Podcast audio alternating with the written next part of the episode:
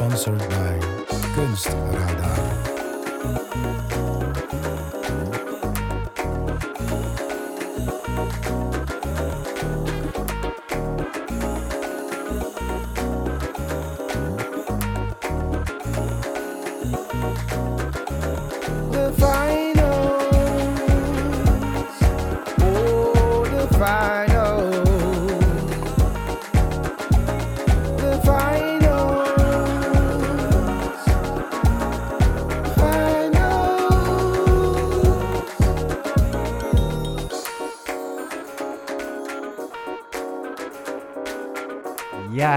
Enige technische mankement later.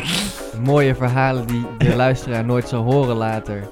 En daar zitten we dan. Ja. De Dankjewel, laatste. Henning en Eddy. Dankjewel Henning en Eddy eh, voor de hartstikke mooie intro die jullie... Dit heb je nog nooit gehoord, Larissa? Ik heb nog tot nu toe, alle pogingen die we tot nu toe hebben gedaan, heb jij nog niet Henning en Eddy gezegd. Ik heb nog niet Henning en Eddy gezegd. Zeer bijzonder. Zeer bijzonder. Wil jij ze ook nog even bedanken voor ons eh, misschien? Ik heb geen idee wie het is en wie ze zijn. Ik zal het even uitleggen voor de zekerheid. Die hebben voor ons de intro gemaakt. Dan ga ik ze niet bedanken, want ik vind die intro zeer irritant. Nou, dan ben je de enige. Ja, voor de duidelijkheid, Larissa is onze grootste fan, maar ook onze grootste criticus. Jazeker. Dus eh, Larissa die blast iedere keer de podcast keihard over de eh, JBL-speakertje op het moment dat ze in de- JBL door de. Artes-gangen. door de Artes-gangen, waarmee, ons, eh, waarmee onze podcast een wandelend fenomeen is geworden. Eh, en we hebben Mensen stiekem wel... kunnen, mensen kunnen letterlijk zeggen, ik heb het gehoord op de wandelgangen. Ik heb het gehoord op de wandelgangen. En stiekem moet ik zeggen dat we hier vandaag zitten met de twee aller, aller, allerbeste podcastgasten die we ons kunnen wensen voor de laatste aflevering. Zeker. Er, is ook maar, er zijn ook maar twee gasten voor de laatste aflevering, dat is ook wel weer lekker makkelijk. Eh, hartstikke bedankt Larissa en Merel dat jullie hier eh, zitten. En Larissa, aangezien jij een heel groot fan bent van onze podcast, weet jij natuurlijk al lang dat wij niet gaan beginnen met over jullie voorwerpen praten, die jullie hebben meegenomen voor ons. Ook al zien ze er zo leuk uit. Ook al zien ze er zo leuk uit. Dank, dank. Zou jij voor ons misschien, om ons een klein beetje werk te ontnemen, de allereerste vraag aan Merel Als ik hem nog stellen? weet, zoveel pogingen. Maar volgens mij was de vraag, eh, hoe begon jij hier op de academie? Pam, pam, pam. Hoe begon ik hier op de academie? Nou, Laten we beginnen bij net voor de kunstacademie. Wat was je aan het doen? net voor de kunstacademie was ik natuurlijk heel mijn leven aan het eh, betwisten, betwijfelen. en eh, zat ik op, eh, in Tilburg op een academie, de Rock Academie. En die had één kunstopleiding. En dat is precies wat ik deed. Art code. En daar werd je opgeleid als interactief kunstenaar. Dus een kunstenaar die je wel kan inzetten in de maatschappij. Wauw. Een nuttige kunstenaar. Ongelooflijk. Wat is dat? Nou, denk bijvoorbeeld aan eh, kunst wat op je reageert. Dus waar Oh, je mee wat- kan spelen in de openbare ruimte. Oeh. Hebben we hier ook op Artes. Interaction design. Beetje Precies, zoals de ja, dat, dat is het eigenlijk. Maar eh, Maar dan de light versie hoor, volgens mij. ja, volgens mij, Nou, volgens mij mag je daar ook de eh, vrije kunstkant op gaan. als je goed bent. Maar goed, dat werd hem dus niet. Het werd hem dus niet. Eh, ik had altijd al een droom van kinds af aan. Riep ik altijd van, ik ga naar de kunstacademie. En toen had ik toch iets stommers gekozen. Sorry, artcoders. En eh, toen eh, moest ik, toen wou ik toch een kunstacademie echt uitproberen. Niet dat ik echt skills had daarvoor. Van, ik kon niet tekenen. Dat is echt het ding van, eh, om binnen te komen in kunstacademie. Van, oh, ik kan goed tekenen. Merel, mag ik je hier onderbreken? Oké, Ik was echt zwaar onder de indruk van jouw tekeningen. mijn tekeningen. In de eerste. Ah. Ja. Als kind, het is wel grappig, ik zat er ook na te denken vanochtend, maar als kind kon ik alleen maar heel goed beren tekenen. Nou, en welke opleiding doe ik nu? Beer. Beren. Wow.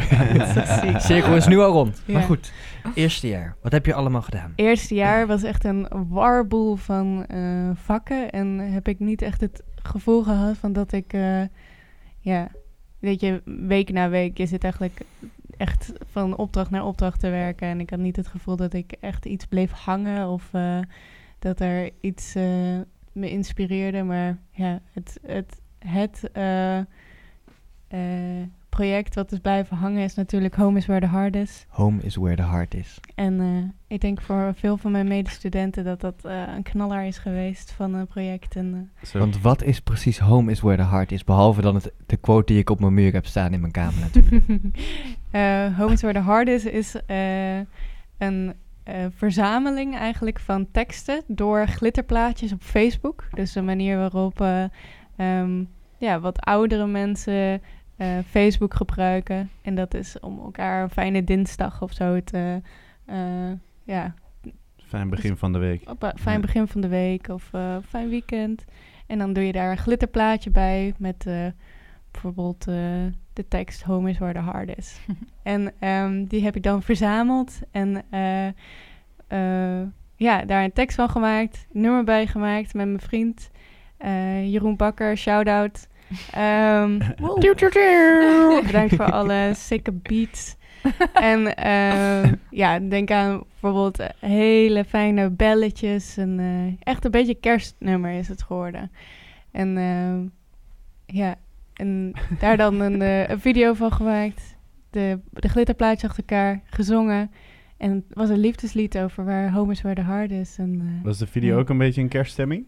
Nou, het wa- waren alle glitterplaatjes eigenlijk. Ja, dus Ja. Dat was gewoon een soort van wat je, wat je lyrics, tante eh, je stuurt op Facebook, maar dan intenser Ja, en geconcentreerder. precies. Ja. Ja. ik heb vernomen dat de outro van deze eh, podcast, voor de mensen die benieuwd is, dat wordt dit nummer. Hmm. ja. Daar sluiten we dit jaar mee af. Want home is where the heart is. Want home is where the heart is en we Precies. gaan helemaal terug. Ja. Ehm, Ja. Maar goed, Artes is where the, where the heart is. ja. precies. Nou, in, eh, over Where the Heart is eh, begon eigenlijk... In de tweede begon ik echt mijn plekje te vinden. Dus daar was de hart. Ik weet niet waar ik deze... Dat was niet een goede overstap, maar... eh, Ik vond hem leuk. Ik vond leuk. ja, oké, dank je. Eh, maar toen had ik eh papier maché ontdekt. En eh, ja, echt een enorm onderwerp eh, gevonden... waar ik eigenlijk heel het jaar lang me op gefocust heb. Van, ook omdat dat kon. Dat je je gewoon helemaal... lekker één jaar helemaal daarop kan focussen. Dat vond ik echt fantastisch. Want Heel anders dan Ontdekte deze. Pimaché. Ik ontdekte papier maché natuurlijk door de optocht in, eh, in eh, Brabant. Want jij daar- bent Brabant. ik ben Brabant. Ik eh, kom uit Oeteldonk. Ja, Rosmalen eigenlijk. En ehm, ook weer een shout-out naar Rosmalen. Rosmalen West. Daar word ik een beetje gepest, maar eh Westside. Westside. Eh waar was ik? Oh ja, papier maché. papier maché. Eh, Want welk onderwerp heb jij in vastgebeten toen in de nou, het, eh, het ging allemaal over dat je huisdieren mag aanrijden.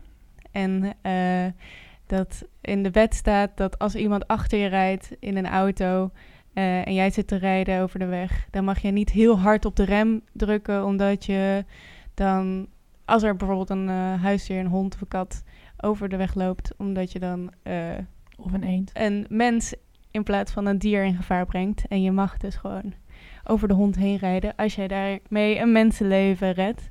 Dus dat is heel erg dubbel. Van, ja, dat staat dus duidelijk van dat een mensenleven meer waard is dan een honden- of kattenleven. Dus ik heb eh, een mooie installatie gemaakt van alleen maar papier-maché eh, dieren. Van eh, ook mijn huisdieren had ik gemaakt van papier-maché. En auto's, wielen en een, een autodeur met dan ook mensen die daarin zaten. Dat was dan een tekening in papier-maché. Ik kan zoveel met papier-maché, daar kwam ik achter. Van, eh, en ik ben er nu nog steeds mee bezig. Dus ik, ik hou gewoon heel erg van het, eh, de knulligheid van papier-maché en eh, de associatie van feest. En eh, ja, de, de snelheid misschien ook Ja. wel van hoe je het maakt. Ja. Dat schuurt natuurlijk wel zo papier maché en dan ga je het over aanrijdingen hebben. ja. Dat is eh, ineens een heel eh, ander Ja, maar ik hoorde ook dat eh eh, Merel gewoon eh, kogelvrij eh papier maché maakt zo stevig. Ja, ja, ja. Kogelwerend. Ja, Het stoot gewoon De hoeveelheid eh, eh, kranten die verzameld wordt eh, bij ons thuis is al eh, intens. Ja. Lees je ze dan ook? Eh, nee, deze, nee, nee. Het is vaak ook wel als je dan eh, de metro. eh, Die is er niet meer. die is er niet is meer. heel hè? verdrietig. Ja, Want dan heb je van die palen, weet je wel, op het station. En dan, eh, dan liep ik er altijd langs. En dan pakte ik echt zo'n ene stapel. Ja. grote stapel. En dan hoopte ik dat niemand er keek. Dit is Dus de dan- reden waarom ze er niet meer zijn. Oh shit. Is jouw praktijk door de verdwijning van de metro ook veranderd? Eh, ik heb nog geen papier werk gemaakt sinds de metro weg is. Maar ik denk dat ik ander, ander eh, spul Het wordt moet wel vinden. opeens eh, een stuk, stuk meer geregeld. Ja. Mensen met abonnementen gaan vinden en zo. Dat is misschien een mooi verhaal wat ik kan vertellen over papier voor de carnavalsoptocht. Van dat het telefoonboek is nu weg. Maar het telefoonboek was zo perfect voor eh carnavals eh, eh, dingen. Omdat je, je gebruikte eigenlijk de kleuren papier die in het telefoonboek zaten. Die lieten zien hoeveel laagjes ze hadden. Dus ze gebruikten een gele blaadje voor de eerste laag. De tweede laag de groene. En dan de derde laag. Volgens mij zit er nog een kleur in het Roze of telefoonboek. zo, ja. Roze, Ja. inderdaad. En dan konden ze zien van hoeveel laagjes ze al hadden gedaan. Dat vind ik zo slim. slim. Hoe- weet je dat? echt slim, ja. ja, hoe, weet ik dit? dat? Nou, eh, in mijn jeugd op de basisschool heb ik ooit meegelopen bij eh, een carnavalsoptocht. Bij de eh, Oeteldonkse carnavals. Oeteldonks. Ja, en dan gingen we daar dan eh papier maché de hele dag door. Ja. Ja, precies. Ja. Dus het komt Dat toch is nog gewoon kinderarbeid. Het is kinderarbeid, maar dan wel met hele gezellige muziek over bier en tieten. Dus Oh god. Oh god. Ja.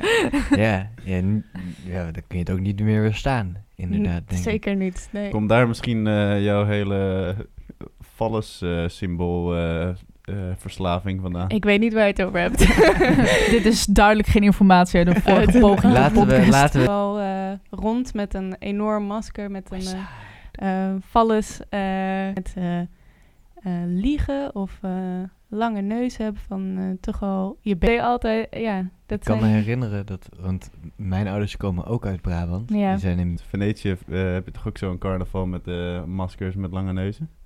God, dat weet ik. Eh, ja, het was ook gewoon ehm, de optocht tussen de mensen brengen. En eh, ja, de personages die ze maken in zo'n optocht. En dat leek me wel een mooi beeld om eh, eh, zo iemand echt te maken. verstopt kunstenaar Ja. tussen de carnavalsgekkies. Misschien, ja. En eh, ik weet nog dat ik ging dan met mijn zus, gingen we dan door Oeteldonk lopen. En mijn zus is heel klein, dus je hebt eh, vooral eh, veel kickforce perspectief.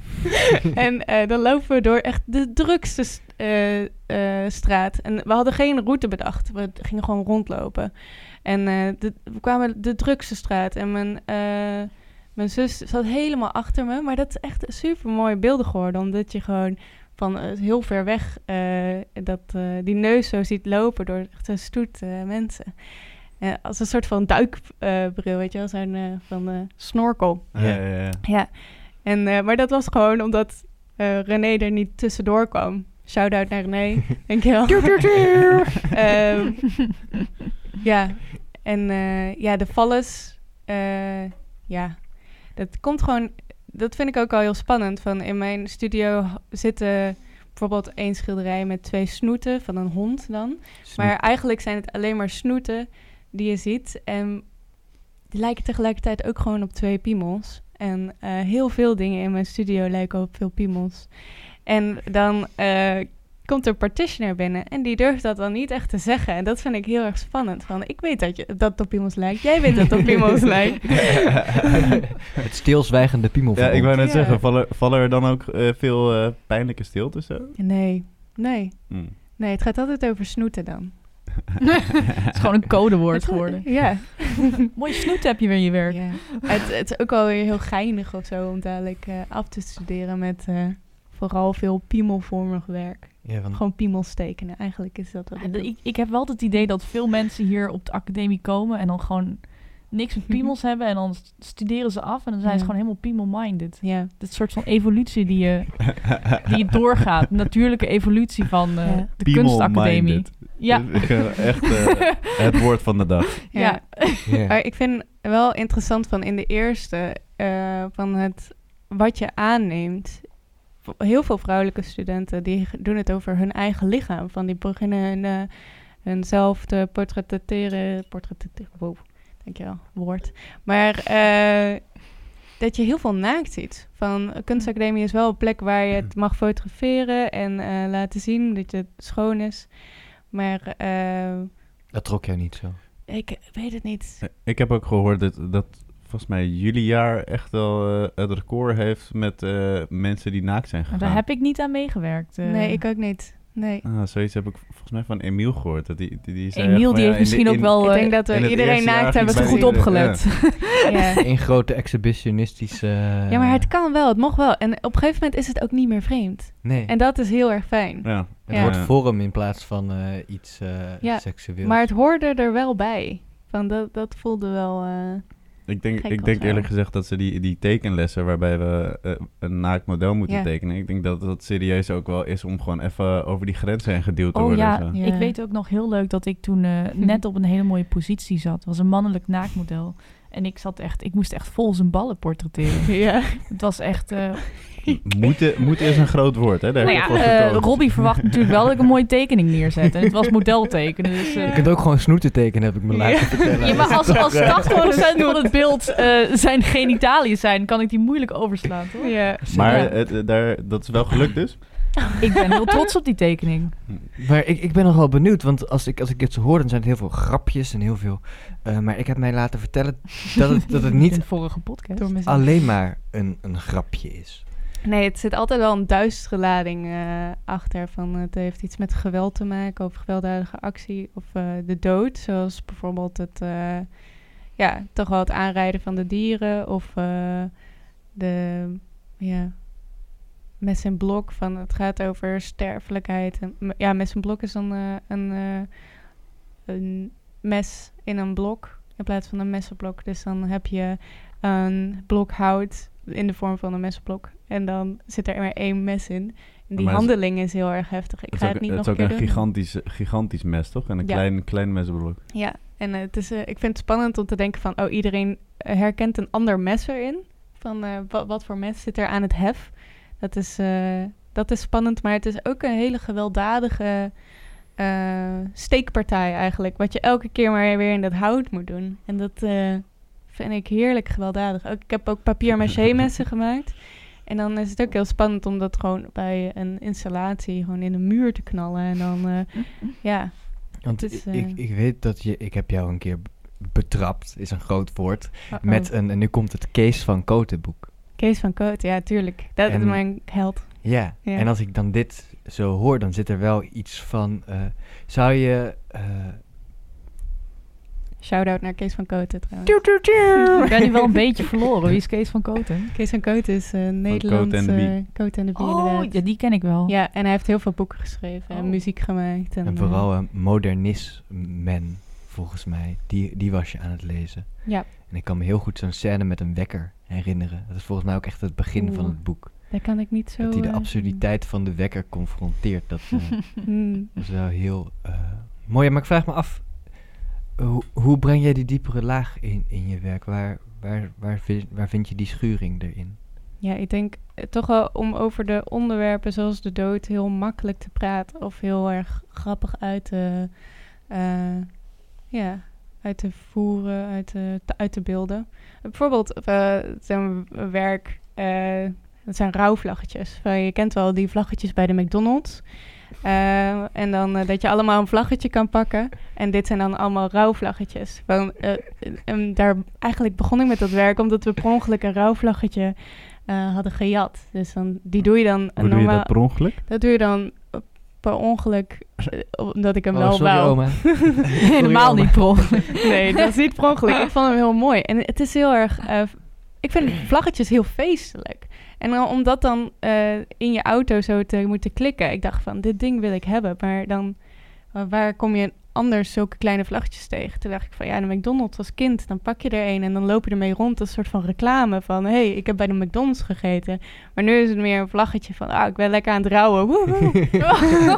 Ja, het is een beetje luguber, maar het is wel iets... eh, het maakt het wel makkelijker om over te praten.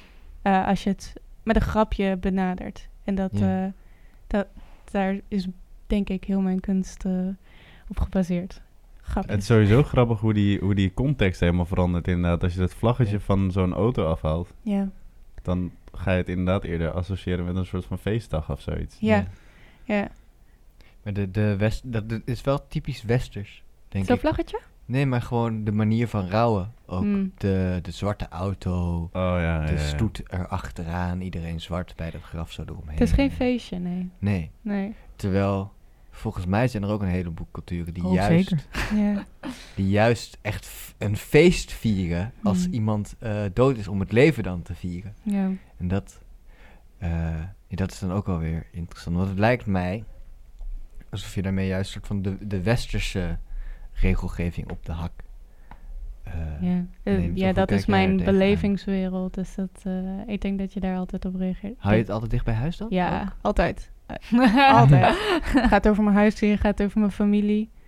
Het gaat over dingen, ja, de rouw die ik meemaak. Het is eh, allemaal heel persoonlijk. Ik denk niet dat ik over iets groters kan, eh, zou, werk zou willen maken, ook op dit moment. Kwam, het, kwam het vlaggetje dan ook ergens vandaan waar jij zelf aan het rouwen was? Ja, het was al van eh, de rouwstoet van mijn oma. Toen, ja, toen heb ik hem Oh gehad. shit.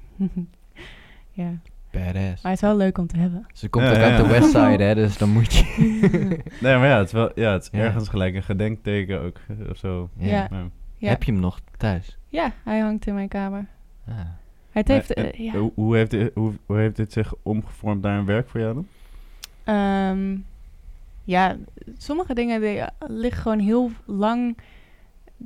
Ook, ik eh, heb volgens mij naast mij heb ik een hoorder zitten. En eh, ik ben ook een hoorder. dan heb ik het over Larissa. En, en soms dan ligt iets al heel lang in je studio. En dan denk je van hier wil ik iets mee maken. Maar dan pas moet het even klikken voordat het kan. Dus ik denk dat het ook een jaar of zo in mijn studio heeft gelegen. Ik dacht, oh ja, de vlaggetjes van de McDonald's. Dat, ik wil ook van rouwen wil je ook delen. Wil je laten zien, denk ik. Dus dat, eh, ja, op een gegeven moment vind je een plek ervoor. Mhm. Dat is, en hoe, eh, hoe ziet het werk er nu uit dan? En eh, ja, het lijkt heel erg op zo'n McDonald's sta staanpaal waar je een vlaggetje uit kan pakken en dan eh, meerdere vlaggetjes erin zitten. En, ze hangen wel een beetje sip, dus een beetje recht. Wel iets minder rechtop, maar Want Ik vraag mij af, want het wordt nu mij duidelijk dat je vanaf de tweede mm. en vanaf de eerste al die hele persoonlijke onderwerpen hebt gebruikt om dat eh, soort ludieke en humoristische erin te brengen. Eh, ik vraag mij dan wel af wat er dan toch nog veranderd is door de jaren heen in Ja. jou, hoe je daarmee omgaat of eh, hoe je daar meer controle. Ja, ik weet het niet. Hoe, hoe is dat veranderd voor jou? Ehm, ja, ik ben vooral op zoek gegaan naar welke vorm ik eh, aannemen met eh, die verhalen. Ehm, ja, ik ik, eh, ik studeer ook af met echt eh, een warboel van allemaal andere soorten materialen, video. Eh, video niet trouwens, maar die heb ik wel gemaakt. Maar het, Biella video. Biella video. Biella video. Slee video. Legende. Ja. We hebben legende. gesleed en toen hebben we een video ervan gemaakt. En het is eh, een legende iconisch. geworden. in ieder geval voor ons. Ja, Ja. ja zeker. Larissa ging zo snel. Ja. Ging ik snel? Ja, Ik herinner me dat ik een soort van mini eh, sneeuwstorm veroorzaakte. Maar Ja. Maar dit hebben jullie ook gepresenteerd als een werk? Of is Nee. het het was het gewoon... plan, maar Was is wel nooit, het plan. nooit geworden. Misschien kun je er een kerstliedje over schrijven. Mm, kijk. Het is wel een mooie videoclip voor een Ook met sneeuw. episch kerstlied, ja. Ja. Ja. ja. Maar eh, om terug te komen. je je Want- zei, je gebruikt allerlei andere materialen bij je finals. Maar je zei net nog dat je eigenlijk alles van papier maché maakt. Ja, in de tweede wel. Maar toen opeens dacht ik van, hé, hey, dus er is veel meer. Dus dat, eh, Mm.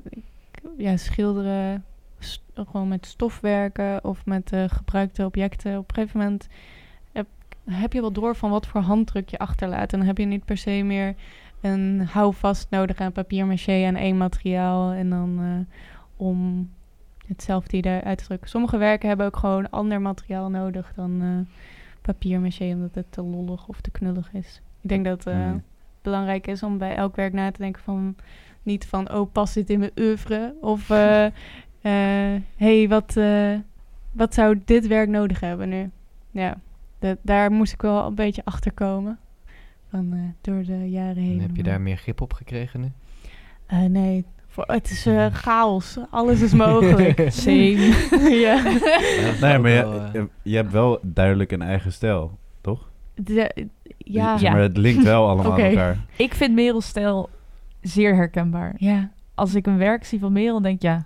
Of als ik een werk zie en het is toevallig van jou, heb ik dat al lang door voordat jij me dat vertelt. Dat vind ik goed om te horen, maar ik, Ja. als ik het zelf maak, denk ik van, ah ja, eh, deze keer doe ik schilderen. En dan denk ik niet van, oh, dat lijkt op mijn papier-maché-werk. Ja, maar het, niet zozeer misschien in je materiaalgebruik, maar ik denk gewoon eh, dat voornamelijk in de, in de humor en in de Mhm. manier waarop jij met de onderwerpen die je aangaat, omgaat, ehm, dat ik dat gewoon heel erg, dat jij dat je heel erg eigen hebt gemaakt. Ja. Eh, en ook durft. Ik vind jouw humor altijd heel gedurfd en heel Oh. brutaal. dus er zit iets merels in. Ja. Het gewoon maakt niet uit of je het met papier maché maakt of van hout. Dat Ja. karakter zit er wel in. Soort van. ja, en daar, daar kom je dan achter. In de, Ja. ja. dat is heel fijn. Want jij hebt stiekem al even over de finals gepraat. Oh-oh. Dat zouden we eigenlijk nog niet doen. Zouden we eigenlijk nog niet doen. Oh, Is dat verboden Dus ik denk dat, eh, podcast? dat Dus we dit gaan de even- time-out is voor Merel. ja, precies. Oh, sorry. Even, Gaan we weer terug naar mijn eerste jaar? Terug naar jouw eerste jaar. We gaan Oh, een flashback oh, help. doen. Larissa, Oké. toen jij op de kunstacademie kwam. Nou ja, ik, ik zal weer zeggen dat ik eh, dan toch even daarvoor begin. Eh, want ik herinner me nog heel goed dat ik, eh, voordat ik hier op de academie kwam, eigenlijk helemaal niet hier op de academie wilde komen. Eh, ik wilde eerst kunstgeschiedenis studeren. Ja, geschiedenis was ook een van mijn favoriete vakken. En gewoon de, de mysteries van het verleden, dat super cool, dat wil ik. Ehm, maar ja, tegelijkertijd was ik ook echt super bezig met tekenen. Je kon mij op de middelbare nooit ehm, niet tekenend aantreffen. Eh, tot grote frustratie van vele leraren. Ehm, Look at me now. ja. nou, er waren wel leraren die echt ver- verrast waren toen ik mijn examen had gehaald. Zo van, Mm. je hebt toch de hele... Je hebt toch je zes jaar lang lopen tekenen? Mm. Oké. Ehm, En maar- toen wilde je kunstgeschiedenis gaan doen. ja, en toen was ik dus heel erg aan het twijfelen. Kunstgeschiedenis of kunstacademie.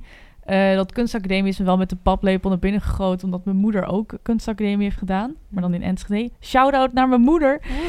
Tjoe, tjoe, tjoe. Yes! Dan wil ik ook een shout-out naar mijn moeder doen. Oké. Wat heeft zij gestudeerd? Psychologie, zoals Oh. al de rest Oh van mijn familie. Oh lord, oh lord. nou ja, mijn moeder was dus echt ook een kunstflipper. Eh, dus dat zat er wel in. En mijn vaders familie is ook zeer creatief. Ehm, maar ik was daar dus heel erg tussen aan het twijfelen. En ehm, ik waarom, was, ben je, waarom ben je uiteindelijk niet voor kunstgeschiedenis gegaan? ja, ik stond ook eigenlijk al ingeschreven. En het was een beetje van, oh, heb je VWO-diploma? Kom binnen alsjeblieft, want deze studie sterft uit. Ik eh, was gewoon klaar om daar te beginnen. Ik had me ook al uitgeschreven bij Artes. Eh, maar ik denk dat ik toch last minute, ehm, ja, realiseerde dat, dat, dat een universitaire studie betekent dat je voornamelijk gewoon in studiebanken zit. En heel veel gaat lezen en schrijven. En alhoewel dat ook leuk is, vind ik dat niet spannend genoeg. Eh, dus toen ben ik toch maar nog heel snel teruggegaan naar Artes, want ik was wel aangenomen. En eh, ik ben wel heel blij dat ik die keuze heb gemaakt. Ehm, want ik ben wel een beetje een eh, jack of all trades kunstenaar. Het gaat mij ook veel om het experiment en gewoon ja, klooien met materiaal. En Eh, heb je veel geklooid met materiaal in de eerste? ik heb zeer veel gekloot met materiaal. Ehm, een van mijn eh, favoriete eh, projecten uit de eerste was eh, ja, de t- een tekening of eerder een wandtapijt wat ik heb gemaakt eh, tijdens de tekenles. Ehm, en eh, daar merkte ik ook al een beetje van, ja, ik was heel erg aan het tekenen voordat ik hier kwam. Maar eh, er zijn zoveel dingen te doen. En eh, ja, ik vond eigenlijk die vrijheid die dat eerste jaar bood, met zoveel mogelijkheden, vond ik echt geweldig. En het liefst wilde ik alles tegelijkertijd doen. Eh, dus bij tekenen had ik zoiets van, ja, ik ga gewoon eh, een tapijt maken. En dat wordt meteen meteen 3D. En dan ga ik tekenen en 3D. Dit is alles in één. Wat, Eh, hoe, hoe zag het er uiteindelijk uit? Eh, ja, ik heb dus uiteindelijk een tapijt gemaakt met verschillende textielen. Ik heb een, het was een scène van een bus.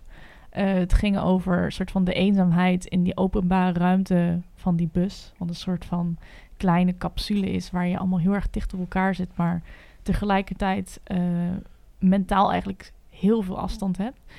Ehm, en in dat tapijt eh, had ik eh, mezelf geportretteerd in stof, zittend met drie andere mensen op zo'n vierzitter. Eh, en die keken naar buiten. En het raam, dat was dan een foto op textiel geprint. Sommige figuren waren met zeefdruk gemaakt. Ehm, en andere waren geborduurd. En er zaten ook een paar silhouetten in die waren dan geknipt uit stof. Eh, dus het was eh, ja, het was eigenlijk tekenen in een hele brede vorm. Ik was Ja, eigenlijk aan wel tekenen helemaal met, eh, losgegaan, ja. ja, ja, en eh, vanaf toen ben ik ook eigenlijk niet meer minder losgegaan. Zou ik durven te stellen. ja. Ehm, Niet meer minder losgedaan. ge- Wat heb je dan in de tweede gedaan? Ehm, ja, het is voor mij nu wel even heel erg goed terugdenken. Omdat ik door dit vijfde jaar debakel echt helemaal kwijt ben wat ik Mhm. in welk jaar heb gedaan. Ja. Eh, maar in de tweede ben ik toen begonnen, eh, aan het begin van het jaar, met eh, een sculptuur. Die noemde ik Strange Trees. Eh, dat was eigenlijk een kippengaas-sculptuur eh, in een soort van ehm, eh, ja, eh, ronde vormen of hele organische vormen.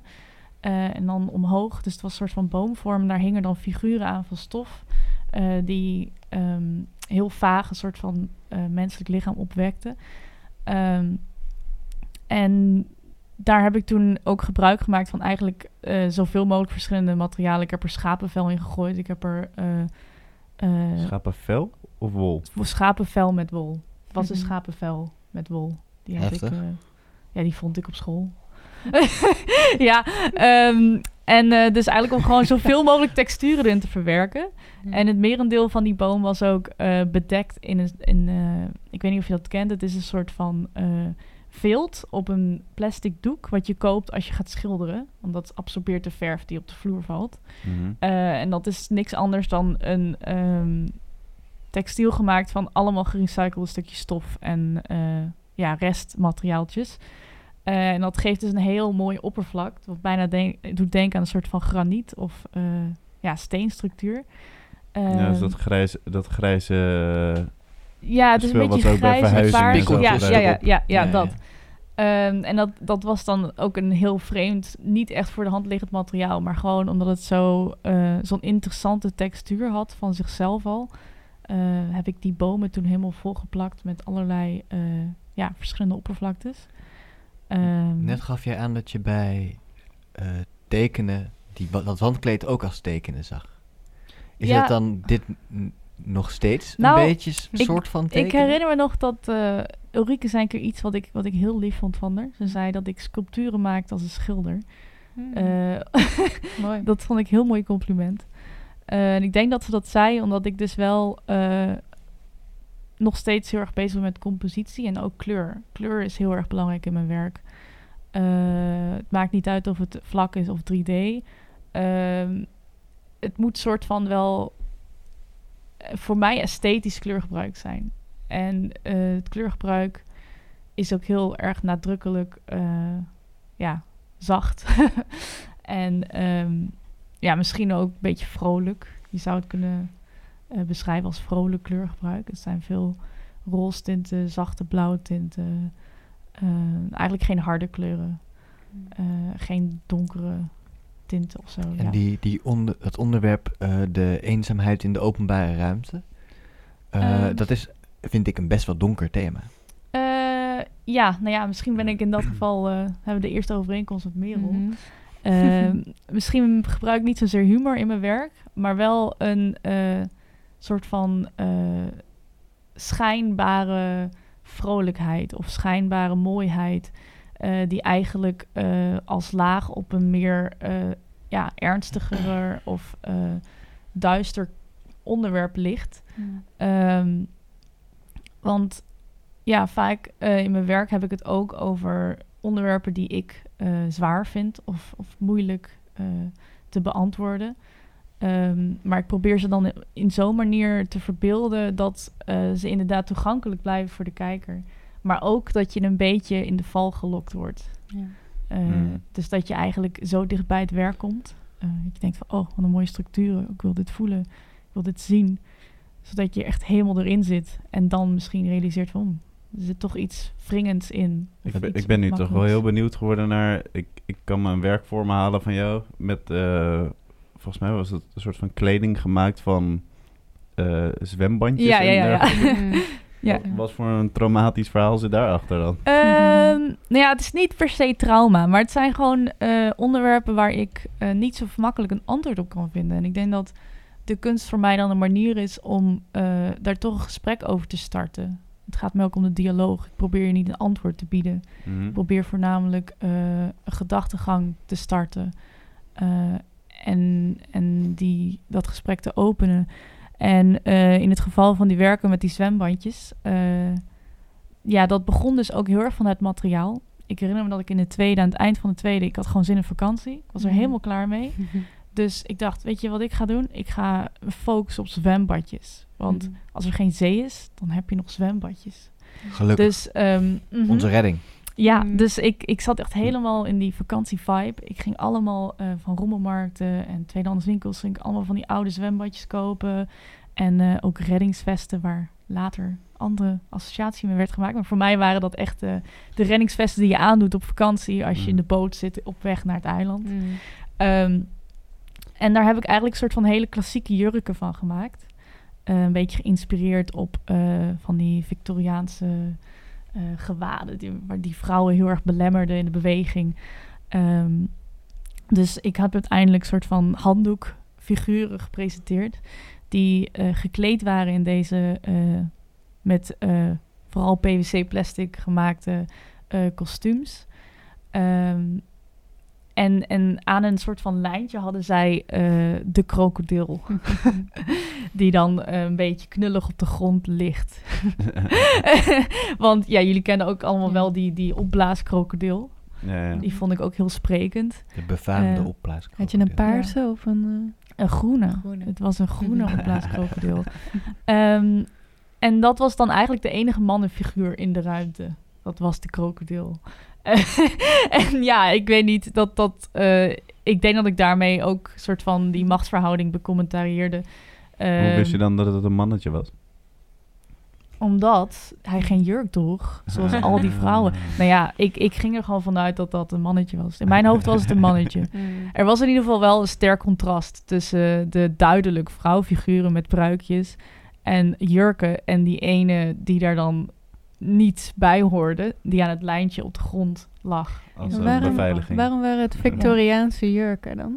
Waarvoor had je dat gekozen? Dat is denk ik de kunstgeschiedenis liefhebber in mij. Ik, eh, ik ben enorm gefascineerd ook door gewoon eh, ja, die eh, ouderwetse kostuums. Mm.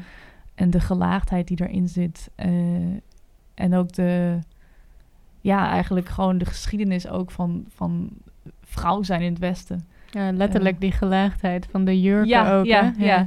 En eh, juist omdat die jurken ook heel erg eh, belemmerend waren voor die vrouwen. Ja. Eh, ja, ze waren zo heel mooi en heel leuk om te zien. Maar dat was letterlijk zodat die vrouw eigenlijk niet zoveel kon doen. Mm. Mocht er alleen maar mooi bij staan. Ehm, en ik was dus een beetje aan het spelen met dus die vrouwfiguren die in zo'n belemmerende jurk zaten. die er toch wel heel gezellig uitzag met al die zwembadpatroontjes. Eh, maar tegelijkertijd waren zij wel degene die het lijntje vast hadden van de krokodil. dus, Maar het is ehm, dus eigenlijk is dat een soort van lokkertje geweest voordat er een diepgang in zit. Ik ga iets vertellen waar ik gisteren over heb gelezen. Oh ja. Eh, horen. gisteren een stukje gelezen over dat goede schilderijen gaan altijd over hetgeen wat niet te zien is. Hm, En als ik dan aan dit denk, dan zit er ook een soort gelaagdheid in, in het oppervlakte. Ja. Wat dan eh, mijn vraag is aan jou, Mhm. eh, want we zijn nu bijna bij het vierde jaar. We zijn al het tweede, eind tweede, je had behoefte aan vakantie. en je was nog steeds wel tevreden op de kunstacademie, maar gewoon even weg. Eh, toen ben je weggegaan, in de derde kwam je terug. Wat heb je in de derde gemaakt? Ehm, even denken, wat heb ik in de derde gemaakt? Ja, de derde was wel een heel moeilijk jaar voor mij. Eh, ik weet nog dat ik heel optimistisch ben begonnen. eh, maar ja, als we het dan toch over rouw hebben en de dood. eh, dat was het jaar waarin ook mijn oma overleed. En dat kwam eigenlijk best wel hard aan. Dus achteraf is dat wel een van de duistere werken geworden. Met ook gewoon vragen over, ja, wat is het leven? Wat is die transitie tussen ja, leven en dood? En, en, en Mhm. De, gewoon de vervreemding die optreedt bij het idee dat iemand er één seconde is en de volgende seconde is gewoon iemand compleet weg. Mhm. Behalve in jouw eh, gedachten eh, en herinneringen. En Dus- hoe, hoe heb je dat in beeld gebracht dan? Eh, ja, ik heb eh, toen een eh, werk gemaakt eh, dat heet De Tunnel. Ehm, dat was eigenlijk. eh, en daar komt wel weer die eh, vrouwelijkheid eh, qua. Ja, ik gebruik heel veel vrouwfiguren in mijn werk. Dat komt daar wel weer in terug. Eh er was een tunnel waar eigenlijk een soort van vrouwenlichaam overheen hing. Met een eh konijnenhoofd. Mhm. Eh, en er lagen een aantal eh, soort van abstracte konijnenlichamen naast. En daaronder was dus een tunnel. En aan het plafond van die tunnel hingen allemaal draden met, die gedipt waren in was. Dus als je daar onderdoor ging, dan maakte dat een soort van rinkelend geluid. En, en die draden, dat waren net vingers die over jouw rug streelden.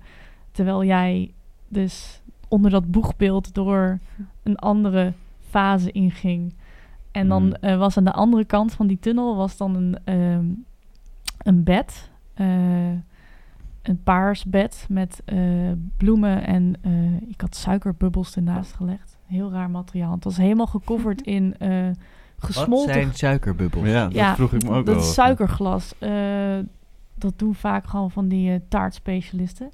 Maar als je suiker dus eh, met siroop, eh, nou ja, als je een bepaald, bepaalde ingrediënten erin gooit, eh, dan kun je het opblazen en dan verhardt het in die vorm. Dus ik had allemaal van die hele rare, eh beetje kleverige bubbels op dat bed. En eh, de plek waar je zou liggen was helemaal eh, bedekt met een soort van slijmerige, ook zoetige eh, smurrie. Ehm, en dat was dan eh, een soort van het sterfbed of, Ja. of het kraambed. Dat mocht de kijker zelf beslissen. Dus ik denk dat we tot nu toe een heel mooi beeld hebben gekregen van waar jij je allemaal de afgelopen paar jaren mee Ja. bezig hebt gehouden. Hmm. En van Merel trouwens ook. Ja. Ja. En ik denk dat we nu aanbeland zijn bij de voorwerpen. De voorwerpen. De voorwerpen. En ik vind het wel weer... eh Merel wat heeft vind ik een, ervan? eh, ja, wat Merel mee heeft genomen. Dat, ik, ik durf het bijna niet meer uit te spreken, omdat dat woord al zo vaak is genoemd hier. Nou, dit is geen piemel. pa- pa- pa- eh, Absoluut niet. Dit is poep. oh. Ja. Ah. Ja. Hondenpoep. Hondenpoep. Heb je hondenpoep? Ik zal even beschrijven wat hier ligt. Nou ja, ligt Ik vind het een stevige drol voor een, voor een hond. Ja, het is moet bijna ik mensen Maar nee, Ja. wacht. Larissa. Hm? Oh. Zou jij misschien het voorwerp van Merel willen beschrijven? Hmm. Nou, ehm, Hmm. om te beginnen, papier maché. is toch wel weer een terugkerend thema. Mhm. Eh, het is een, ehm, durf ik het te zeggen, vallesvormige drol. Eh, met daarop eh papier macheerde eh, hondenplaatjes. Voornamelijk, ik ben niet zo'n hondenkenner, maar het ziet er Golden een beetje uit. Ja, een golden retriever. Nou, ik zou zeggen blonde labrador. Oh, Blonde blonde labrador, labrador. alles kan. Ik ken het verschil niet. Het is in ieder geval zo'n zeer eh pittoreske hond. Eh, Trouw beestje. Trouw, trouw beestje. ja, en het is eigenlijk... eh, ja, het is gewoon een drol. Ik denk dat je meteen eh, snapt dat het een hondendrol is. Ook omdat, de, Ik snapte niet dat het een hondendrol is. Nee. Waar Nee. hou jij van dat het een hondendrol omdat is? ik Merels werk ken. Ja, En ik- Ja, omdat maar dat is weet niet eerlijk. dat is niet dat het een hond is. En ook de manier waarop zij dit presenteert. Ja, het Merel. vaak op Dan, ja, dan is het al duidelijk van... Oh, Ah, normaal is ligt hij een op de grond. Ja. Ja, ja, ja, ik denk als die op de grond ligt... dan valt er niet zoveel... eh Enlighten Testen. us. Zit er een drol in? Je zou willen dat er een drol in zit, hè?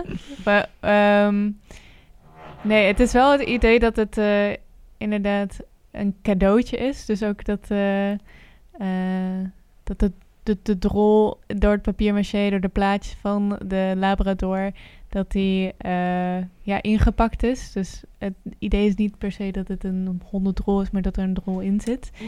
En ja, de Labrador is een geintje. En dat heeft te maken met het eh papier-maché-merk... eh, of papier, toiletpapiermerk Page. En daar wordt dan de Labrador als schone hond eh, gebruikt. Die al En- je, die al je wc-papier opeet. Precies, en die ermee rond gaat lopen in, eh, eh, in huis en zo inderdaad. Maar ik vind het zo vreemd dat honden, als iets gebruikt wordt als eh, iets... Ja, eh, er wordt ondertussen bij de buren geboord, of zoiets. Onze Laten we ons er niet Sound van, eh. We gaan ons niet laten afleiden. Onze lieftallige videotechnicus is al even onderweg om het eh, ja, om te het de-escaleren. Eh, ja, en hij heet nummer podcast. twee. De Het werk. Het nummer twee? Ja, nummer twee. Omdat Number het, eh, two. Ja, ja, ja, ja. ja. Dat is een heel ongemakkelijk moment als je tegen iemand zegt... Ja, ik moet eigenlijk even poepen, maar ik ben voor het eerst bij je thuis. Zeg je dus- dat? Weet ik niet. Ik zeg, ga naar het toilet, dan verdwijn ik een Ja, half precies. uur. Ik hoef niet per se te zeggen wat Een half uur. ja, soms eh, Goh, wat zou zij nou aan het doen zijn? uit schaamte blijf je dan nog even extra lang zitten. Ja. Maar, maar, maar. Volgende vraag. Hm. Waarom heb je dit meegenomen? Nou, ik zag dat de sokkel niet zo groot was. Eh, en, eh, Ook een trouwe kijker? Ja. ik, ehm, ja, het is heel prettig werk. Ik denk dat het heel erg af is. En eh, ja, met in quarantaine, eh, s- mijn huis zit tegenover een hondenveldje. En eh, ik kijk dus de hele tijd naar lekker eh, makkelijk poepende honden. en eh, dat, ik vind dat heel spannend. Want eh, de mens moet eigenlijk wachten tot de hond klaar is met eh, zijn behoefte doen. En het is heel grappig om die mensen zo heel ongemakkelijk te zien wachten. En soms, sommige honden poepen ook heel grappig. Dus het zit ik heb, eigenlijk elke ik dag heb hier kijk wel ik een mooi verhaal over. Vertel. Ik eh, ging... eh, vroeger vond ik het altijd super leuk om de hond van mijn opa en oma uit te laten. Het was een eh, poedel, Bobby. Oh, wauw. Mm. En ehm, ik mocht van mijn oma... Shout-out to Bobby. Bobby. Shout-out naar Bobby. Shout-out to oma. maar ik mocht, dus, ik mocht dus van mijn oma nooit naar de hond kijken wanneer die aan het eh, toiletteren was. Want hij, had, hij had ook zijn privé nodig. Ja. En dat vond ik zo raar altijd. Zo van, Maar dat is ook wel grappig. Van de, het is het eerste dier wat je echt ziet poepen. Eigenlijk hetzelfde wat je Ja, katten zelf zie je ook wel intens. Maar- Ja, oké, ja, op de kattenbak. Maar nee, die heb ik, Ik, eh, eigenlijk nog nooit gezien. Nou, ik, ik ben dus meer opgegroeid met katten. Ah, en ja. eh, dat als je vaak bij katten zit, komen er toch momenten waarop ze wel poepen in jouw buurt. Ja. Maar, Maar het zijn ook wel dingen die je dan tekent als kind, poepende honden. Of in ieder geval ik. Omdat je, dat zo raar is om te zien eigenlijk. Ja, als Ja, je er en- bent over nadenkt, je ziet meer honden poepen dan mensen poepen. Terwijl Ja, je zelf een sowieso. mens bent. Ja, Ja. maar je ziet, het, je ziet het ook nog eens extra herhaald in symbolen op verkeersborden en Ja. zo. Ja, klopt ja. ja. Dus Het, het is echt een soort van... eh, eh, Maar het is ook het vervelendste van een hond hebben. Van mensen die honden niet leuk vinden, die zeggen van ja, je moet je je moet de poep opruimen. Je, Je moet hebt- een zakje pakken, je moet de poep opruimen. Ik wil de poep niet aanraken. En het, het is, en daarom heb ik het ook een cadeautje gemaakt. Van, het is echt een cadeautje. Van, het is niet een leuk cadeautje. Het is niet een cadeautje die je wil. Dat is het stomste cadeautje wat je kan krijgen. En dat is een reden waarom mensen geen honden nemen, denk ik. De Ja. Zeker. ik, in mijn dorp zag ik het voor het eerst. Dat eh, Mm. mensen kunnen ook in de publieke ruimte hele, hele passief-agressieve briefjes overal en nergens. ja, Aan ja, bomen, aan palen, met stoepkrijt op de stoep, Ja. op de Geen weg. fietsenplaatje. Nee, nee, nee, nee, nee. Kan je niet poepen? Ja. Ken je Nee, niet dat papiertje Kak hier? in de goot! Dat, Ja. allemaal dat soort... hangt er één ja, bij school. Maar je hebt daar zoveel verschillende... Er hangt er één bij school met Ja. eh, gratis yoga-klassen. Eerste hondenpoep oprapen. Zo van, eh, oh, yoga-klassen. Kijken mensen daarnaar. Dan denken ze, oh, wacht, dit gaat Ja, over dit- hondenpoep Dat vind ik trouwens nog best wel een goede joke. Want het is ook Ja. nog eens... eh, eh, wat ik het grappigste eraan vind, is dat het een, een foto is van een blaadje wat op een boom is geplakt. En dan is, dat, is die foto ook nog eens op een boom geplakt. Ja. Ja. Dus Oh damn. oh damn. Ja, maar dat is wel leuk van die eh, blaadjes met eh, dat je alsjeblieft ruim je poep op eh, blaadjes. Nou, nooit Ehm, alsjeblieft hoor. denk ik. Nee, maar ze zijn heel passief-agressief vaak. Ja, maar ja. als je een grappige tegenkomt met een grapje, denk je van, ah ja, natuurlijk doe ik dat. En dat is misschien klikt dat ook weer terug naar mijn werk. Van als je een grapje maakt van, hey, kan je alsjeblieft je poep opruimen? Ik kan, ik heb een heel grappig grapje laatst geleerd, maar ik kan het niet herhalen, jammer genoeg. Maar dan, als je het met een grapje zoiets, ja, toch wel vervelend zegt van, hey, kan je de poep opruimen? Dan is dat veel toegankelijker dan dat je meteen boos wordt en ruim de kak op, weet je wel. Van Mijn dat- buurman over mijn kattenpoep. Ja, Maar, maar je, door een grapje ik het, te maken dat ik het goed begrijp, jij ging naar iemand toe over de hondenpoep en je maakte een grapje. En daardoor ruimde die persoon het op. Nee, door eh, zo'n blaadje. Zo'n, eh, eh, weet je wel, Oh. als je van, oh, kan je alsjeblieft je poep opruimen, blaadjes, weet je wel, op de, op de ramen. Als je dat als grapje doet, Ja. dan zijn ze heel toegankelijker. eerder. Maar als ik dit allemaal hoor, ook de McDonald's vlaggetjes, dan vraag ik me ook af van... Er zit een bepaalde eh, alertheid naar de omgeving in. Ben je dan ook Mm. op zoek naar die gekke... eh, als je loopt of als je kijkt? Of... Nee, ik ben, er niet, ik ben niet zoveel bezig met, eh, met mo- ja, wel met associaties, Maar jij ziet het. maar ik zie het. Ik zou het niet zien. Die Ja. overeenkomsten. Ja, dus misschien ben ik wel aan het rondkijken, maar ja. Je hebt het gewoon niet door. Ik Huh? Ben ik aan het rondkijken? Maar Ik ben niet Gaan- blind. Gaan we, dit, gaan we dit werk ook zien bij de, bij de finals? Ik denk dat er zeker wel wat hondenpoepjes op de grond liggen. Ja. honderd Nice. hondenpoepjes. Honderd Honderd cadeautjes. cadeautjes. Want je gaf aan dat we een soort eh, mengelmoes van eh, echt alles kunnen vinden. Video, oh nee, toch geen video. eh, kunnen vinden. Kun je alvast misschien een, een tipje van de sluier oplichten, behalve de 100 poepjes? Wat kunnen we nog meer vinden? Mm, Hondenpoepjes, honderd poepjes. Oh my god. Wat? Het is wel een mooi cadeau voor voor de kunst. honderd Het is een cadeautje. Ja. Oeh. Ja, het is ehm, een paar eh, onderwerpen die ik aantik, zoals de hond, de hondenhuis. Er komt een hondenhok te staan, waar je zelf doorheen loopt. En er komt een bot op de grond te liggen die aan het sch- schimmelen is. Beetje eh, gericht op Snoopy, hoe die zo zit op zijn, eh, op zijn hondenhok. Mhm. Eh, hangt deze bot tegen dat hondenhok aan van... God, ik kom niet verder in mijn leven. En ja, dat is ook wat Snoopy zegt eigenlijk altijd. Van, hey, ja, ik lig hier wel lekker en ik ben tevreden met een hond zijn. En ik weet dat ik ook niet verder kan in mijn leven. En ja, ik vond een bot vind ik een mooier beeld dan een hond. Omdat ook, ook botten zitten in honden. I don't know. maar ehm, eh, ook een kukelrek komt er te staan. Een kukelrek? Ja. Ja. wat is dat? Een kukelrek. Een speelrek, toch? Speelrek. ja. Kukelrek. Ah. Een kukelrek. Waar je van die mooie rondjes om maakt. Ja, Ah, dat is misschien Ik zou wel duikelrek of zoiets zeggen. duikelrek. Ik, ja, Maar Een in. Brabant noemen we het een kukelrek. Brabant, maar Klimrek, dat ik is, eh, daar zet ik dan eh papier-maché eh, eh, vogels op. Eigenlijk helemaal vol. Geïnspireerd op de Birds van Hitchcock eigenlijk. Ehm, dat eh, ja, het kukelrek al bezet is. En eh, dan... eh, want dat was altijd heel vervelend als je dan naar het schoolplein helemaal liep. En dan eigenlijk gewoon wou kukelen. En dan zat er al een meisje op te kukelen. Maar dat is ook wel het leuke van En er zitten die vogels. vogels op te kukelen. Ja, die vogels die mensen neerzetten zodat er geen andere vogel op kan zitten. Dat Zijn het een bepaald soort bizar. vogels? Merels.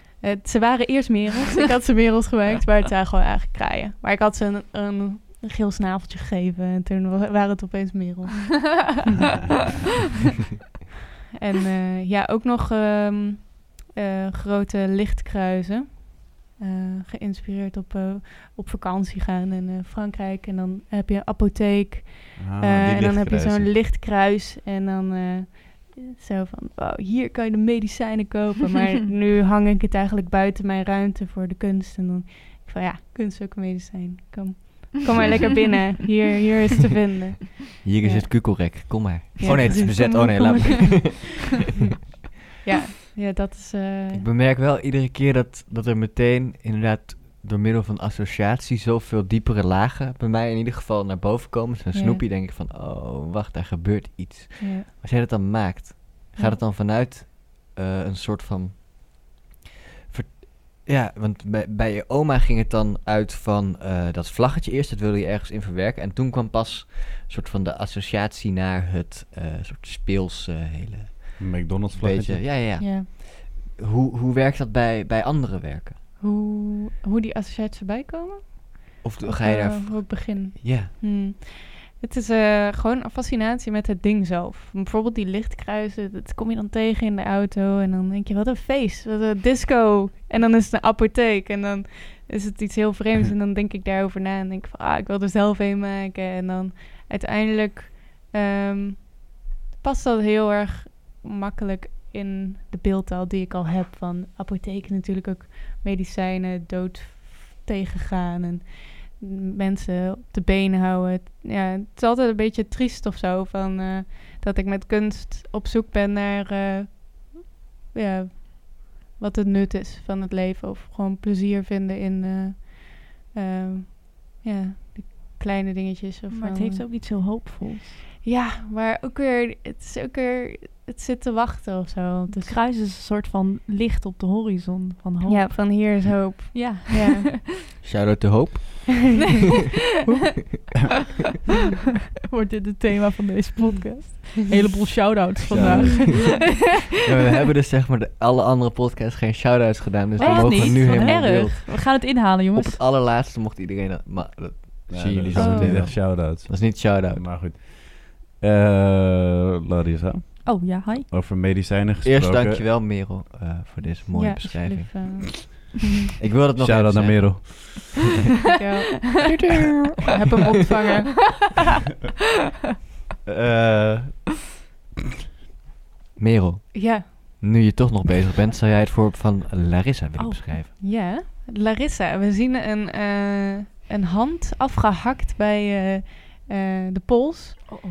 Ehm, deze hand is gemaakt met eh, eh, keramiek, geglazuurd. Duidelijk ook niet een mal, maar echt ge- zelf gemaakt. zelf Geboetseerd. ge- hoe heet dat zo?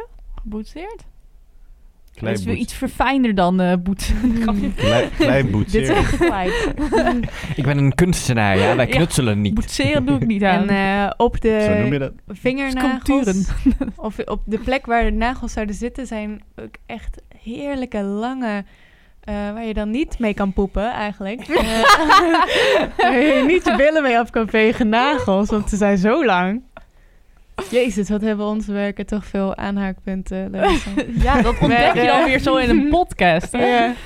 Dus normaal zou je er nooit achter komen. Echt het is waar. alsof we jullie daarop uitzoeken. Jezus. Echt waar. Ehm, ja, dat is, eh, ja, het is heerlijk geglazuurd. En wat ook echt, eh, die nagels die glijden echt bijna in de hand. ja, dat, eh, dat is wat ik Ja. zie. Ja, ik ben, ik vind het wel een mooie beschrijving hoor. Ja, dank je. De Ja. nagels zijn overigens niet van keramiek. Nee. Dat is Het Nee. zijn echt van die gekochte... Van die Ja. vieze... Plastic eh, Ja. plakkers. Sorry mensen met zulke nagels. Ja, Hm? shout-out. Shout-out, ja.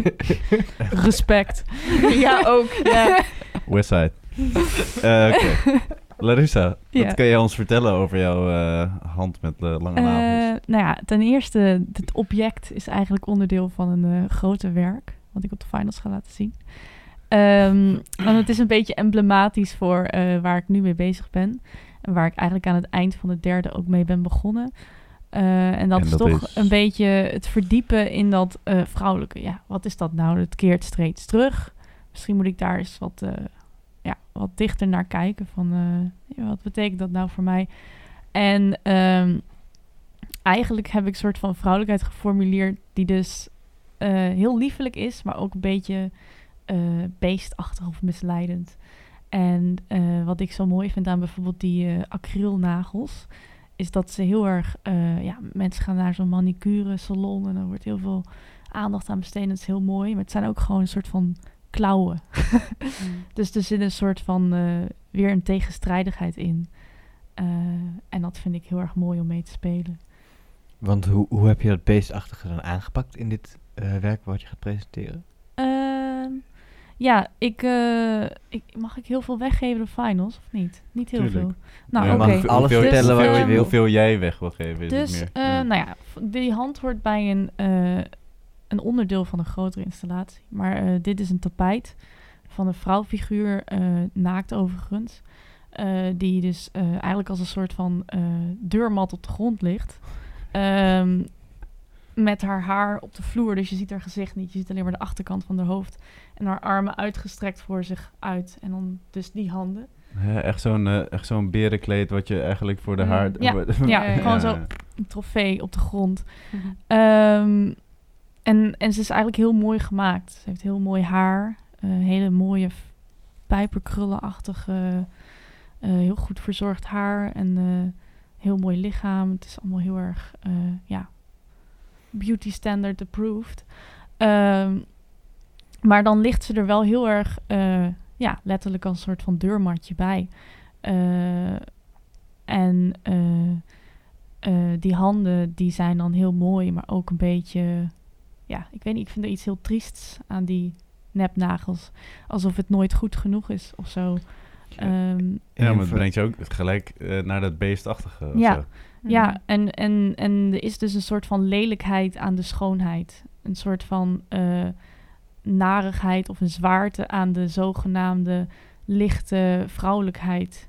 Die wij allemaal als vrouwen vaak wordt eh, opgelegd. Dus het is, is het dan ook meteen echt een kritiek? Nou, het is niet een kritiek omdat ik zelf de antwoorden duidelijk niet heb. Maar het is meer een soort van eh overpeinzing en eh, eh, een moment van stilstaan ook voor mij. Omdat ik dus altijd mijn werk heel erg casually heb beschreven als het is heel vrouwelijk. Maar eh, wat is dat dan wel niet? Van, eh, Mm. En er zit een hele geschiedenis achter van tegenstrijdigheden. Ehm, het is iets waar je trots op kan zijn, maar het is ook iets wat je eigenlijk heel erg kan verachten. En eh, En wat, wat, wat is dat dan precies? Wat je kan verachten? Nou, eh, je kan je natuurlijk afvragen eh, hoe positief zo'n zo'n ja, femininiteit is. Het is iets wat je kan omarmen, maar het kan ook een hele last worden. Iets wat je moet naleven. En, en het begrip zelf is één grote onduidelijkheid. Want eh, ja, je hebt, je hebt allemaal van die archetypes zoals de femme fatale, maar je hebt ook het, het, het, het schuldige meisje. En dat, dat is allemaal, wordt allemaal samengevat in vrouwelijkheid. En eh, ik probeer dus ook de verwarring van het vrouw zijn te uit te drukken door die tegenstrijdigheden te combineren. Eh, ja, Interessant. Zeker. Nou, wel heel cool hoe- je dat zo in één beeld eh, vat. yes. Ja, ik, ben, ik, weet even niet meer wat ik moet zeggen. Jammer. Ja, het lijkt wel alsof die, eh, die eh, soort van de oppervlakkigheid die Merel dan beschrijft. Dus Mhm. de soort van toegankelijkheid die dan bij Merel heel erg in een soort van humor, lulligheid zit. Het lijkt bij jou in een soort kleur. ja, ja, Ja. zeker. eh, heel bewust. Zachte Ja, objecten ook vaak. Ja, ik, eh, ik speel heel erg met de, de, de lieve esthetiek. Eh, de, de, de beelden, de materialen zeggen het is heel lief, het is heel zacht. Mm. Maar de beelden zeggen het is eigenlijk heel pijnlijk. Misschien ga ik Hmm. jou hierna nu ook anders zien. Misschien. Misschien, je hebt iets over mij geleerd. Want Larissa die kleedt zich naar mijn... Jij kleedt je altijd best wel Ja. lieflijk. ja, ja, zeker. Eh, Mm. is dat dan ook weer een soort van reflectie oh ja, zeker. daarbinnen? Zeker. Ik denk ook, eh, ja, ik wil het niet te persoonlijk maken, maar ehm, eh, de manier waarop ik mijzelf presenteer is ook eh, iets waarmee ik, ja, waarbij ik vraagtekens stel. En ook iets van, is de manier waarop jij je presenteert de manier waarop jij bent? En is de manier waarop jij ontvangen wordt? Hoe, in hoeverre is andermans idee over jou wie jij bent? Dat is een heel grote vraag die ook in mijn werk speelt. Mhm. Hmm. Eh, het gaat dus vaak ook om eh, bijvoorbeeld zo'n vrouwfiguur. Hoe wordt die vrouwfiguur ontvangen? Hoe wordt zij gezien? En hoe zou zij over zichzelf denken? Eh, Het is dan, Ik heb nog wel een vraag, want eh, ik hoor nu bij bijna elk project wat je vertelt, eh, materiaal wat je Mhm. hebt bewerkt met een naaimachine, gok ik. eh, ja, veel textiel wel, ja. Dat is ook zo'n apparaat wat, eh, wat Ja. naar de Mm. vrouwenkant wordt geduwd, zeg maar, Ja. als we het eh, Ja, zouden moeten ja. verdelen. ik vind ook dat heel interessant. Want eh, als, je, als je denkt aan naaimachines, denk je al snel aan een eh, huisvrouw die een beetje aan het kilten is of zo. Eh, maar je hebt natuurlijk ook industriële naaimachines. En als je gaat kijken naar eh, lederwaren, dan wordt vaak genaaid door mannen in fabrieken. dus het is niet per se heel vrouwelijk. Maar dat, dat, dat stereotype, dat beeld is daar. En ook eh, het idee van eh, ehm, handcraft. En eh, ehm, ik gebruik veel materialen zoals inderdaad textiel. Van veel, ja, sinds eigenlijk tegenwoordig is dat misschien niet meer zo'n ding. Maar bijvoorbeeld in de jaren zeventig had iedereen een naaimachine. En maakte bijna alle vrouwen hun eigen kleding. Mhm. Ehm, en ik speel ook een beetje met de waarde van, van die technieken. Eh, is het iets wat je in je privésfeer moet doen en wat je, waar je lekker mee gaat knutselen? Mm. Of Breien. eh, ja, breien, Ja. dat is ook weer zoiets. Er wordt een beetje negatief tegenaan gekeken, maar ik Mhm. probeer die materialen ook weer opnieuw in te zetten. En dan niet volledig los van de oude context van eh, huiselijkheid en eh, domestische Ik knutselactiviteiten. vind het echt eh, Ja. heel mooi hoe je dat dan iedere keer uit de context trekt. Ook dat het eerst over de vrouw ging en Mhm. daarna eh, je er nog eens de verdieping bij geeft dat het niet per se over de vrouw gaat, maar meer over de mens. Ja. Hoe is het dat wij anderen zien? Dus eigenlijk eh, lijkt het alsof je je vrouwelijkheid gebruikt om daar iets over te kunnen zeggen. Dat vind ik echt heel Ja. erg mooi dat je dat Ja. zo eh, en ook kunt aanduiden, die verdieping Ja. geven. Dat is heel eh, fijn. Ik denk dat wij stiekem genoeg weten. Wat jullie bij de finals gaan doen. We komen tegen het einde aan. We komen tegen het einde aan. Mogen we afstuderen van jullie? Of, eh? Ik kijk even de juryleden aan. Ja. Net. Ja, En daar zit het jurylid voor mij. Ja. Achter de camera. Hij, hij Joris eh, duimt. geeft een duimpje omhoog. Ik denk dat we rond zijn. Drie keer ja. Gefeliciteerd. Jullie gaan door naar de laatste Oeh. ronde. Oh. En Nog de een laatste ronde? Nee. Die bestaat Nee. uit het volgende. We hebben nu gehad waar jullie vandaan kwamen. Ja. Mm. Het verleden. Mhm. Oh, toekomst? de toekomst. Nu hebben we gehad. En jullie raden het al. De toekomst. Misschien moeten jullie echt maar gaan afstuderen. Ik denk dat jullie daar wel goed in zouden We zijn. kunnen zelfs jullie podcast overnemen. Niet te snel juichen. Ehm, de toekomst. Ja. Ik heb geen idee. Laten we een mooi getal nemen. Vijf jaar. vijf jaar? Ik weet niet eens of ik nog wil leven over vijf jaar. Dat is wel een heel groot vraagteken. Dat weet niemand. Vier jaar dan. Zullen we gewoon over een jaar doen? Nee, nee, nee. nee. We, gingen, we gingen eerst vier jaar terug, nu gaan we vier jaar naar voren. Hmm.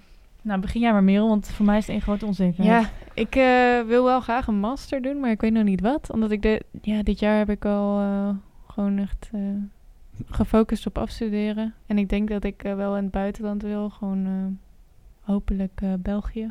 Dat ik denk van, hé, hey, de humor daar is ook heerlijk triest. Shout-out naar Heel- België. Ja, misschien Zo lang geen regering. Ik snap wel. shout-out naar Dimitri Verhulst, die heel mijn beeld van Oh. België helemaal vernacheld heeft. Dimitri Iedereen- Verhulst is echt inderdaad mijn favoriete... ja, eh, helaas zijn daar dingen, maar dat eh weten Ja, ja. literatuurmensen. Of eh, De Laatkomer. Die is ook heel Mm. fijn. Ja. Ja. Kijk. Maar eh, eh, ja, ik denk dat ik naar België ga verhuizen en dan gewoon eh, uiteindelijk zo'n triest iemand eh, in een boerderij wordt. eh, lekker veel drinken. Nee, ik weet, ja, Ik ik heb best wel leuk. Ik, Weet je, Dimitri, met Dimitri Verhulst gaan chillen. Ja, ik, eh, ja, echt helemaal gefocust op eh, afstuderen. En ik denk, ik heb nu wel een studiootje in eh, Nijmegen. Eh, dus dat heb ik wel al geregeld. En ik, ik, ietsje, ietsje meer richting België. ja. Dus, nee, ja. Iets meer Duitsland. Maar, ehm, oh nee, dat is Arnhem. Ja, ik denk dat, het, eh, dat we het wel gaan zien als we afstuderen. Maar ik wil wel sowieso eh, doorgaan met eh, proberen kunstenaar te zijn. Van, Mhm. eh, ik heb niet een ander doel in mijn leven in ieder geval. Van, en je hebt al een slakstudio. ik heb dus al je een bent op de goede weg. Precies, ja. Die ons volgen op Instagram vanaf gisteren. Woep, woep. Awesome. Yes! Nee. En eh, Larissa, heb jij al iets bedacht? Eh, nou ja, ik heb dromen. Eh, over, over deze podcast ook. nee, nee, dat, dat, niet dat soort ik, positieve dromen. Mhm. Ehm, Oh. eh, ik zou het liefst, eh, misschien na een tussenjaartje, een master of residency gaan doen in Portugal. Mhm. En waarom Portugal? Omdat eh, mijn vader is Portugees. En eh, ja, eigenlijk mijn hele familie zit daar zo wat. Eh, en ik wil gewoon zon en zee. Daar word ik gelukkig van. Zwemmen. Wie niet? Zwemmen, ja. Badjes. Eh, dus ehm, ja, ik ben een beetje aan het zoeken naar eh, of er wat te doen is daar. Ja. Ehm, Kan je ook Portugees? nee, nee, dat is heel stom. Echt heel stom. Ja. Mijn vader heeft me dat nooit geleerd. Shout-out naar mijn vader.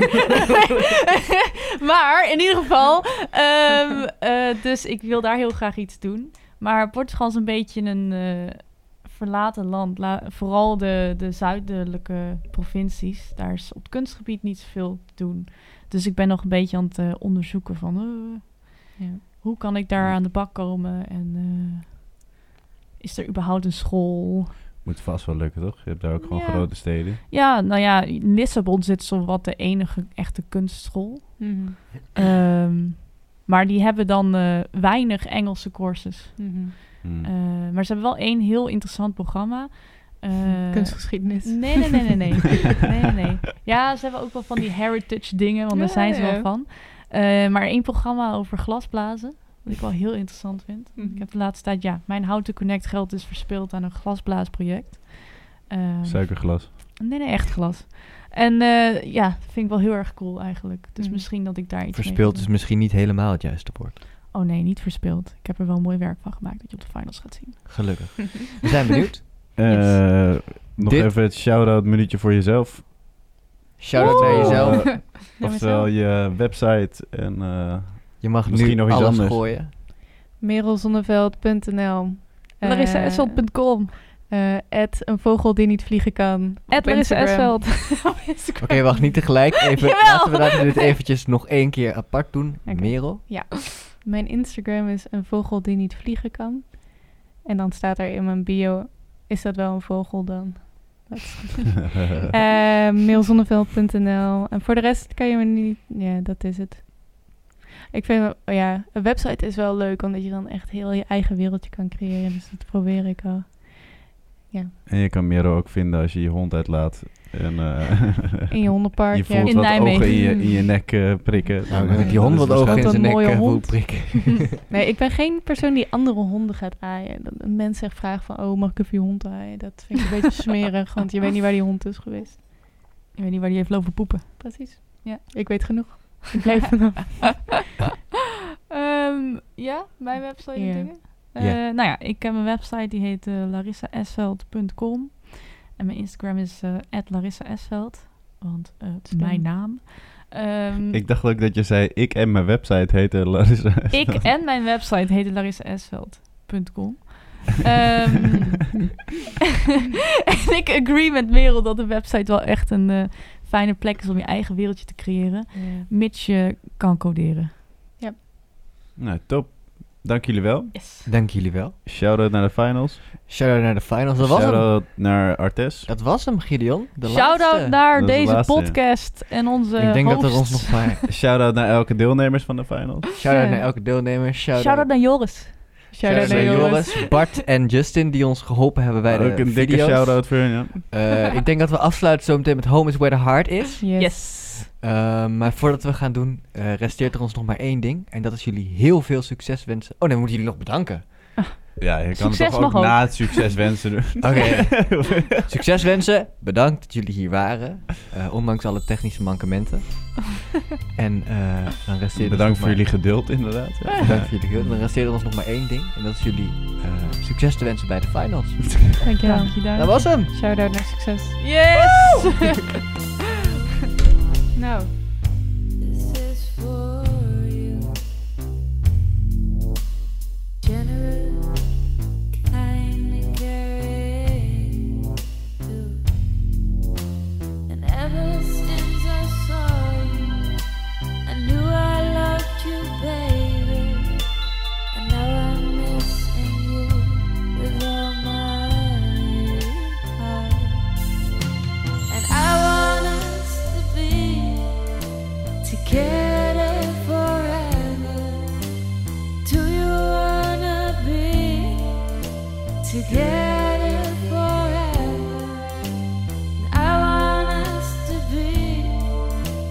together